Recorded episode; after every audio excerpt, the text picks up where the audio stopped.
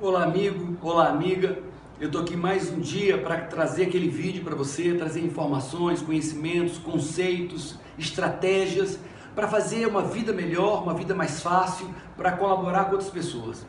Mas para começar isso, eu gostaria de falar para você a minha alegria. O meu livro, Poder da Ação, ele está há 35 semanas praticamente seguidas na Veja, entre os best-sellers.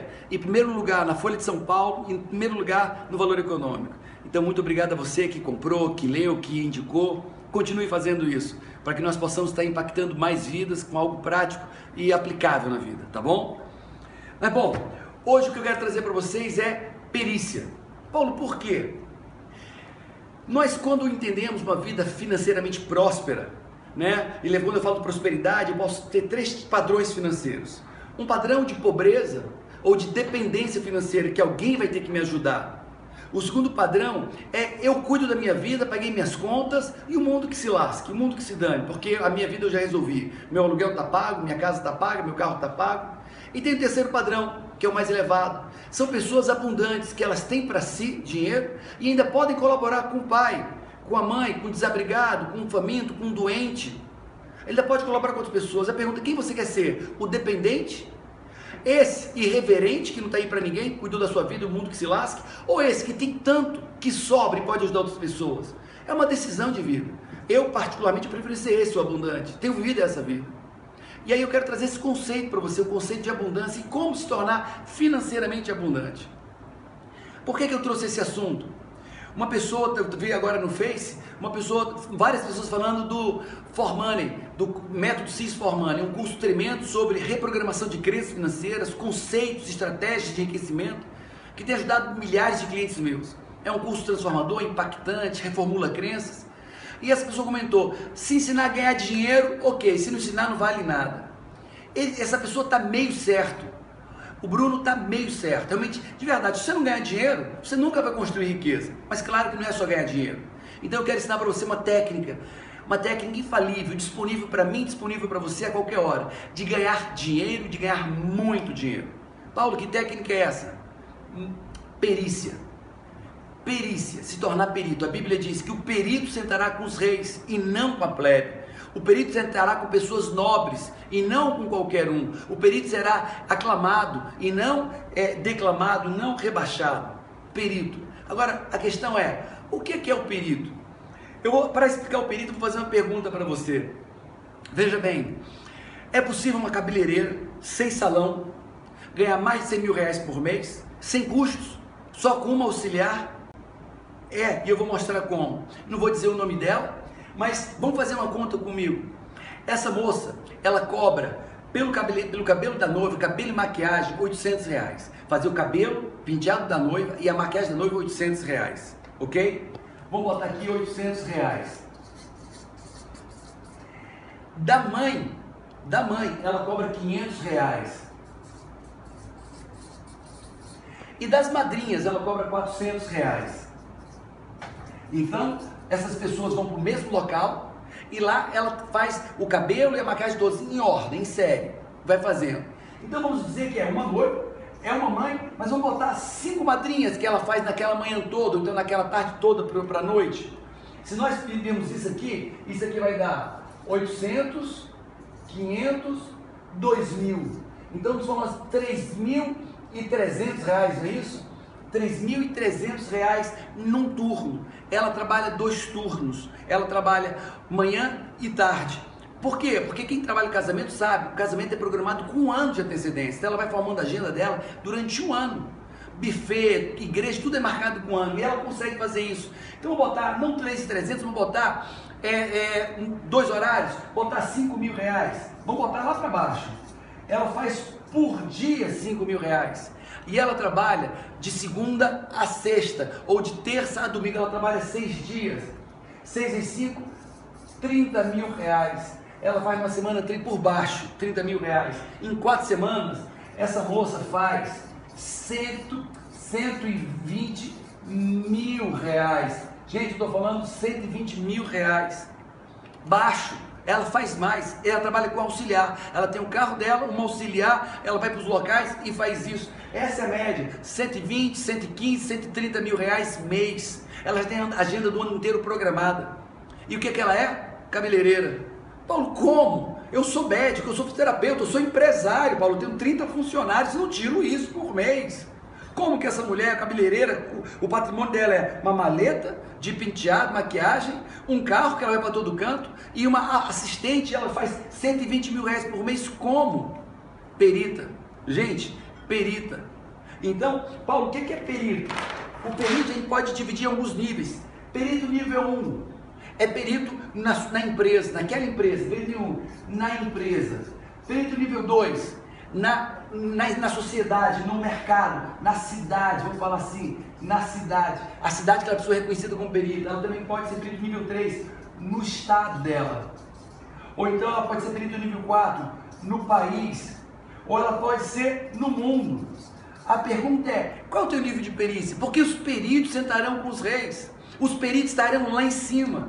A pergunta, qual é o teu nível de perícia? Você é o melhor do que você faz na sua empresa? Perícia 1. Ou você é na cidade, na cidade você é reconhecido como o melhor.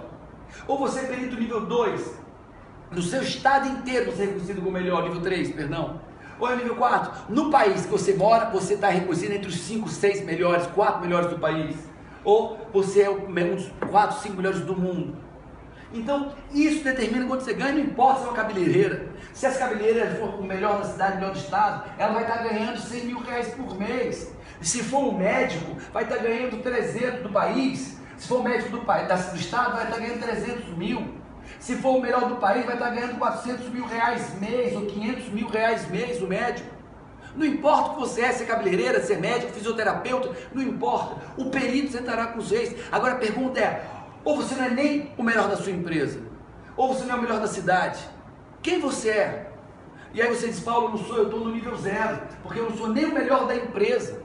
Então fica tranquilo, está tudo certo, cada um tem o rendimento, o salário, o prolabore que merece.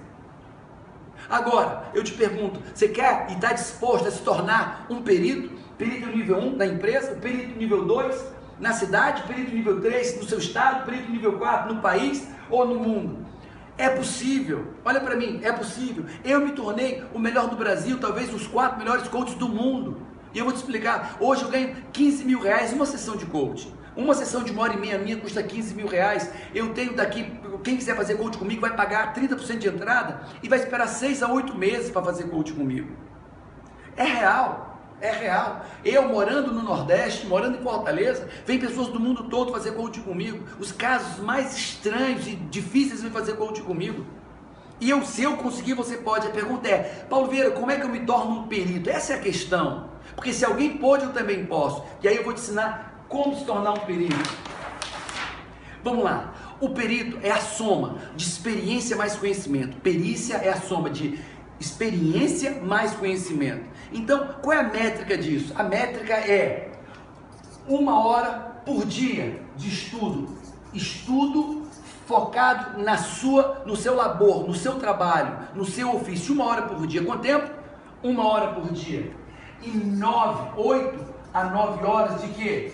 de trabalho. De trabalho, que trabalho, Paulo? O trabalho botando em prática o seu estudo.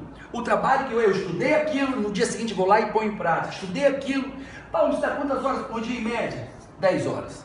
10 horas. Então vem aqui, Paulo, eu quero ser perito. Eu preciso disso aqui. Tem pessoas que só trabalham. Trabalha a vida inteira é feito é, mulas de carga, jumento de carga, a vida inteira e não, não passa daquilo. Tem pessoas que passam a vida inteira estudando e também não sai do lugar. Perícia vem de estudar uma hora por dia e trabalhar e trabalhar nove horas por dia e trabalhar nove horas por dia. Somou 10 horas, 10 horas diárias. Paulo, como é que eu me, como é que eu me torno perito? Vamos lá, ciclos de mil horas. O, quando eu me referi a ser perito da empresa, eu preciso de mil horas. Mil horas somadas, uma hora de estudo e nove horas de trabalho, 10 horas. Então, vamos pegar aqui, no mês, se no dia eu faço isso, Vamos multiplicar 10 horas vezes 6 dias na semana. Dá 60 horas. Dá 60 horas semana. Vezes 4, 240 horas mês. Então, Paulo, o que, que eu preciso para ser perito? Eu preciso mil horas.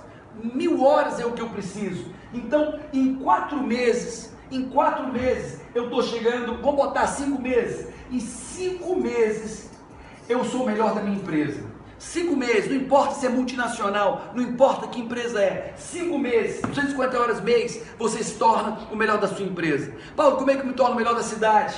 Dobra, 10 meses a um ano. É o que você precisa. Você com duas mil horas, duas mil horas de perícia, você se torna o melhor da cidade. Paulo, como é que me torna? Vamos aqui. Vamos voltar aqui. Como é que torna o melhor da empresa? Mil horas. Você consegue mil horas em cinco meses. Como é que torna o melhor da cidade? Duas mil horas. Você consegue isso em 10 a 12 meses. Paulo, como é que torna o melhor do estado? Três mil horas. Como é que torna o melhor um dos melhores do país? Quatro mil horas. E é simples. A pergunta você, Paulo, é só isso? É só isso. É só isso. A minha pergunta é: você está disposto a estudar todo dia uma hora? O que você vai trabalhar no dia seguinte? O que você põe em prática no dia seguinte, uma hora todos os dias? Essa é a pergunta. Essa é a pergunta que eu te faço. A pessoa me faz, Paulo, você estuda todo dia? Eu estudo todo dia uma hora. E se num dia eu não estudei, no outro estudei, eu acumulo duas horas do sábado para o domingo. Eu acordo mais cedo, sábado domingo e vou estudar. No avião eu estou estudando. Daqui para São Paulo são três horas, e são três horas estudando aquela matéria que eu vou aplicar no meu trabalho. É gestão, é inteligência emocional, é coach, eu estou estudando. Estou escrevendo, produzindo, elaborando. Então, o que eu quero te dar é a métrica do sucesso profissional, é perícia. A pergunta é: é perito? Nível 1, zero? Não é perito? Nível 1? Perito na empresa? Só precisa mil horas. Uma hora de estudo do que você trabalha, mais nove horas aplicando. Quero ser na minha cidade duas mil horas, uma hora. Tem gente que não se torna perito nunca, por quê? Porque só trabalha, ou então porque só estuda. Essa é a combinação. Então tá aí meu desafio para você, tá aí meu estímulo para você. Se torne perito. Se torne perito, faça como aquela cabeleireira, tirando mais de 100 mil reais por mês.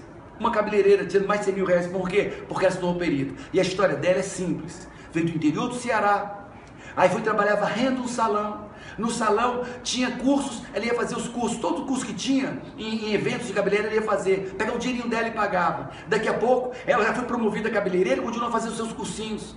E foi se tornando uma das melhores. E o dinheiro que ela ganhava curso, o melhor curso, o melhor congresso, pagava. Ela faz curso hoje em Milão. Quando o pessoal vai para São Paulo, ou ela vai para Milão, ela vai para Milão, aquela moça do interior mas antes dela ir para Milão, ela começou aquele cursinho mais básico, foi melhorando a empresa, ganhando mais, investindo, investindo, investindo, investindo, aprendendo. Hoje ela vai para São Paulo, Rio de Janeiro, para Paris, para Milão para fazer curso. Para Paris, aquela moça do interior do Ceará.